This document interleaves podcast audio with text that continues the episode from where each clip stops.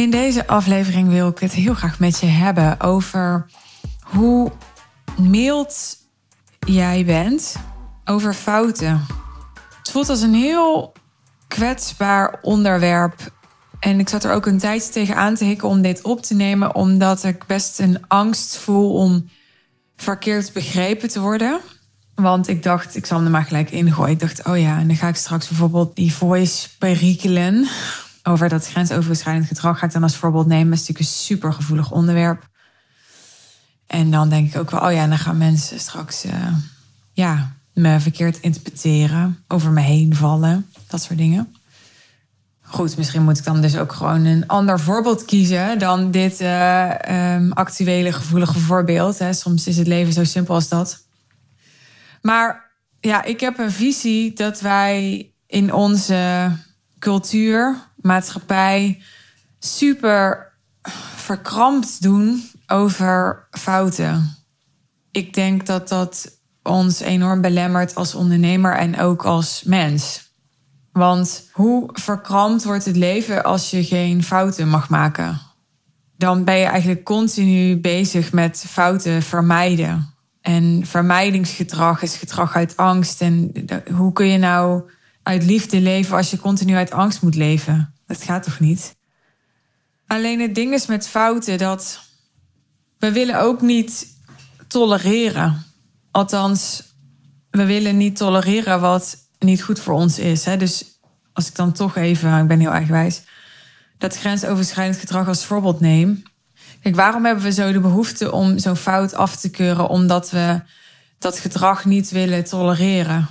Maar ik denk dat, dat het twee verschillende dingen zijn. Ik denk dat het belangrijk is om niet te tolereren in jouw leven wat voor jou niet aligned voelt en waar je niet achter kan staan en wat niet goed voor je is of niet gezond voor je is.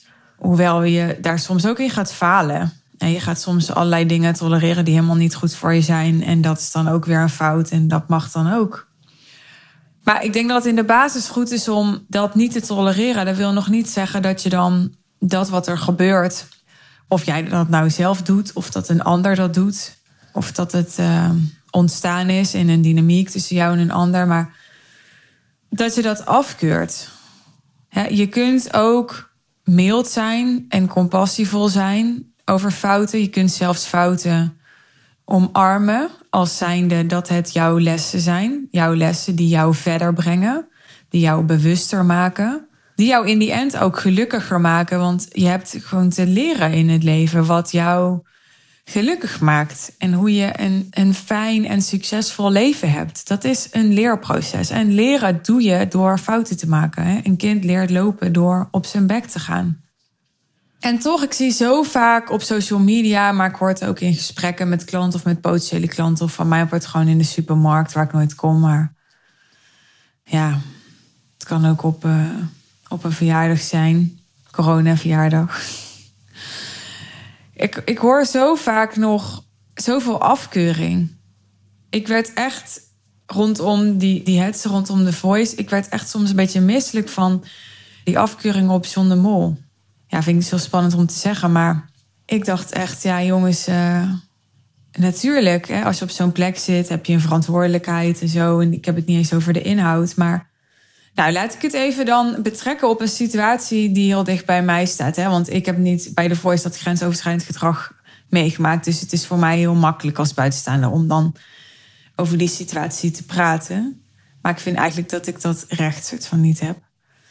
Maar ik neem een situatie waar ik wel, denk ik, recht van spreken over heb. En dat is dat ik uh, in uh, 2018, 2019 best wel bedonderd ben in mijn privéleven. Dat heeft ook iedereen kunnen zien op tv. Want ik was bij All You Need in uh, maart vorig jaar, april vorig jaar, zoiets.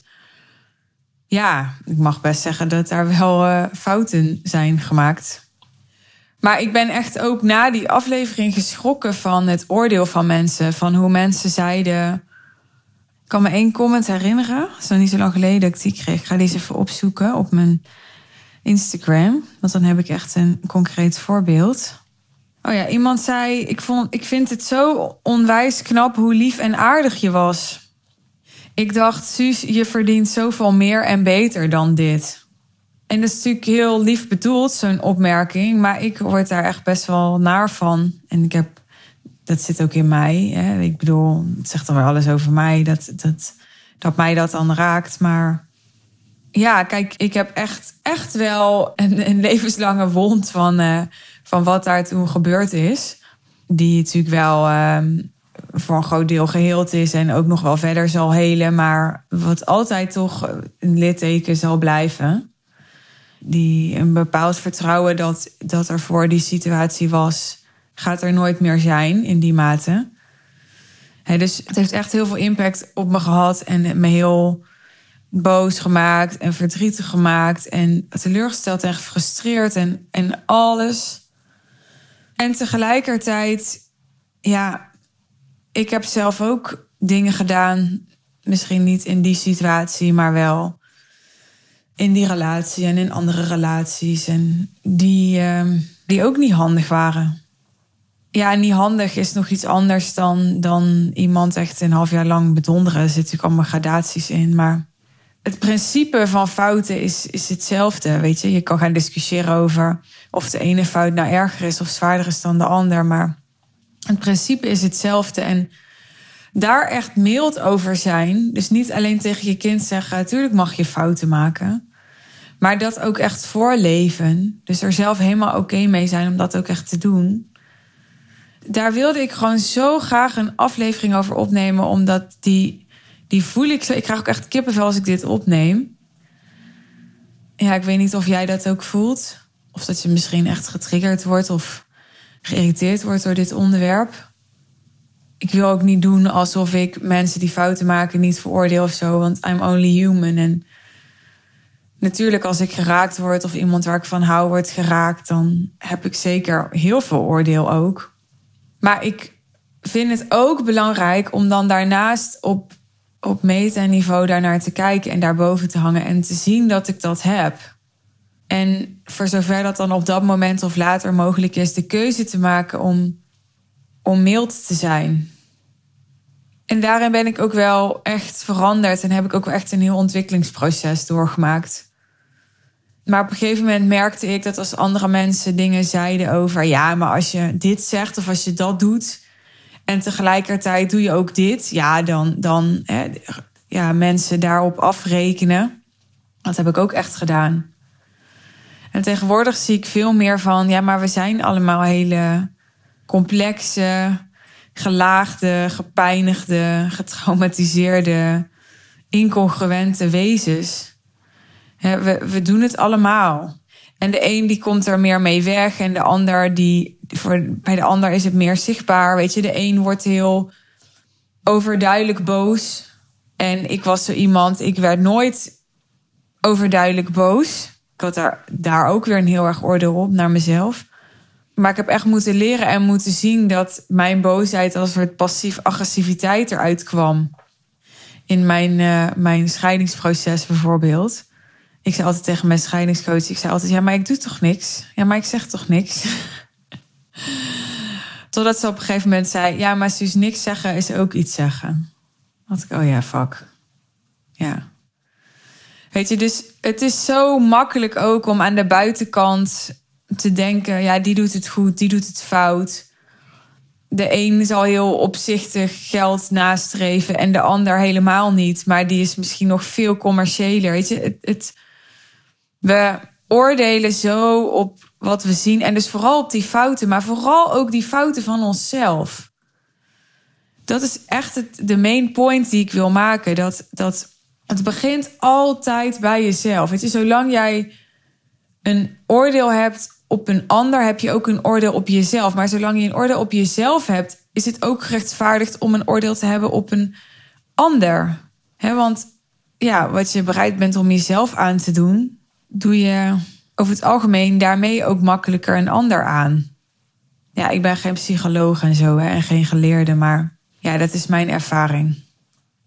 Er zijn natuurlijk wel, uh, ik geef maar even een voorbeeld, ouders die, uh, die zelf bijvoorbeeld ongezond eten en dan hun kind wel gezondere voeding geven. Maar over het algemeen, als je zelf ongezond eet, zal je ook eerder bereid zijn om je kind ongezond eten te geven. Dus het begint echt met: kun je mild zijn tegenover je eigen fouten?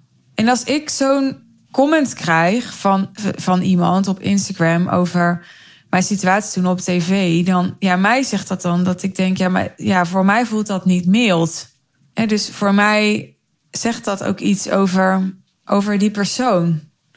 En dat is interessant. Dat is interessant om te kijken wanneer kun jij niet meer mild zijn en wat zegt dat over jou? Vaak als we getriggerd worden in oude pijn, waarin we ons echt tekort gedaan voelen, waar we echt trauma op hebben opgelopen, dan verdwijnt die mildheid. Maar dat zegt dus iets over die oude pijn. Wat heb je daar te helen? Wat heb je daar op te lossen? Het gaat dus niet alleen over mild zijn met je hoofd. En denken, oh ja, maar weet je, hij heeft een goed hart of zij heeft wel een goed hart. Het gaat ook over echt op een dieper niveau kunnen vergeven en daarmee jezelf kunnen bevrijden. Onder andere kunnen bevrijden van het oordeel. Dus ook het oordeel op jezelf en je eigen fouten. De mensen ook die ik het meest succesvol en gelukkig zie zijn in mijn traject, dat zijn de mensen die mild zijn, die compassie hebben, die kunnen reageren vanuit liefde en niet vanuit pijn. Ze hebben er vooral zelf heel erg last van als je vanuit pijn reageert. Dus, lieve luisteraar, hoe kun jij deze week in de eerste plaats milder zijn naar jezelf? Ik bijvoorbeeld, ik uh, had vanochtend de wekker gezet. Ik wilde betalingen accorderen, omdat ik graag iemand ben die hè, doet wat ze belooft en afspraken nakomt en zo. Dus ook mensen op tijd betaalt. En, uh, maar ik ben gewoon nog best wel moe van een event wat ik vorige week heb gedraaid. Drie dagen en daarna weer twee dagen mijn eentje mijn kind. En uh, ja, ondertussen de andere dingen die spelen. Dus ik uh, ben al niet zo'n ochtendmens, maar ik ben gewoon blijven liggen vanochtend. En dan heb ik daar best wel last van dat ik niet die afspraak met mezelf ben nagekomen om. Ik ben gisteren ja, redelijk op tijd naar bed gegaan vanuit het idee, nou dan zet ik de wekker en dan ga ik dat morgenochtend doen. Als dan die afspraak met mezelf niet nakom, vind ik moeilijk. Maar ik weet dat ja, heel veel mensen op sommige momenten niet exact kunnen doen wat ze hebben beloofd. Dat leert het leven gewoon. Het klinkt nu misschien heel verbitterd of zo, maar zo bedoel ik dat helemaal niet. Toen ik dat op een gegeven moment echt kon voelen en ook kon accepteren, want ik heb me daar heel lang tegen verzet. Ik heb er heel lang heel veel weerstand tegen gehad, dat veroordeeld toen kon ik ook voelen: oké, nou ja, dan mag ik dus ook wel iets milder zijn. En natuurlijk is er een stemmetje in mijn hoofd als ik dit zeg, die denkt: Jezus, nou gaan we lekker afglijden met z'n allen. Gaan we met z'n allen lekker niet meer doen wat we hebben beloofd. Of lekker met z'n allen niet meer onze afspraken met onszelf nakomen. Nee, dat is echt een goed idee. Maar geluk zit hem niet in gelijk. En geluk zit hem dus ook niet in principes dat, dat, dat is allemaal dingen die, die we vinden met ons hoofd, die we moeten doen, die ook echt wel ergens op slaan, die ook wel echt ergens op gebaseerd zijn. Ik bedoel, we kunnen niet met z'n allen leven in een maatschappij waarbij niemand zich aan afspraken houdt. Dat werkt natuurlijk niet. Maar in het houden aan afspraken maken we dus ook fouten. Ja, ik denk wel eens, ja, Suus, hoe, hoe groter je ambitie, hoe meer je wil, hoe meer je je best doet, hoe meer kans ook dat het fout gaat, omdat je uit je comfortzone gaat dus ik ben iemand die gewoon best wel vaak ook best wel risico's heeft genomen in haar leven. En ja, die gaan soms goed en dan is dat heel fijn en heel leuk. En die gaan soms niet goed en dan is dat gewoon ook heel pijnlijk. En als het niet goed ging, dan had, was dat heel vaak omdat ik ook echt zelf fouten had gemaakt. Maar door daar mild over te zijn, kan ik die fouten erkennen. En doordat ik ze kan erkennen, kan ik ervan leren. En doordat ik ervan kan leren, word ik uiteindelijk gelukkiger. Voel je hem? En doordat ik gelukkiger ben, kan ik er ook meer zijn voor anderen? Kan ik ook meer betekenen voor anderen? En dan is de cirkel rond, toch? Zo zie ik dat. Nou, ik ben benieuwd hoe jij al deze woorden ervaart. Als je wil reageren, dan uh, stuur me gerust een DM. Ik ben uh, oprecht nieuwsgierig. En voor nu wens ik je een hele mooie dag. Vergeet niet uh, mijn podcast te volgen of te abonneren als je dat nog niet hebt gedaan. Op Spotify of iTunes. En ja, wil je een call boeken? Wil je me volgen op Insta? Wil je bij de One Day Intensive komen op 16 maart? Je vindt alle linkjes in de show notes. Dus uh, wie weet tot dan. Bye.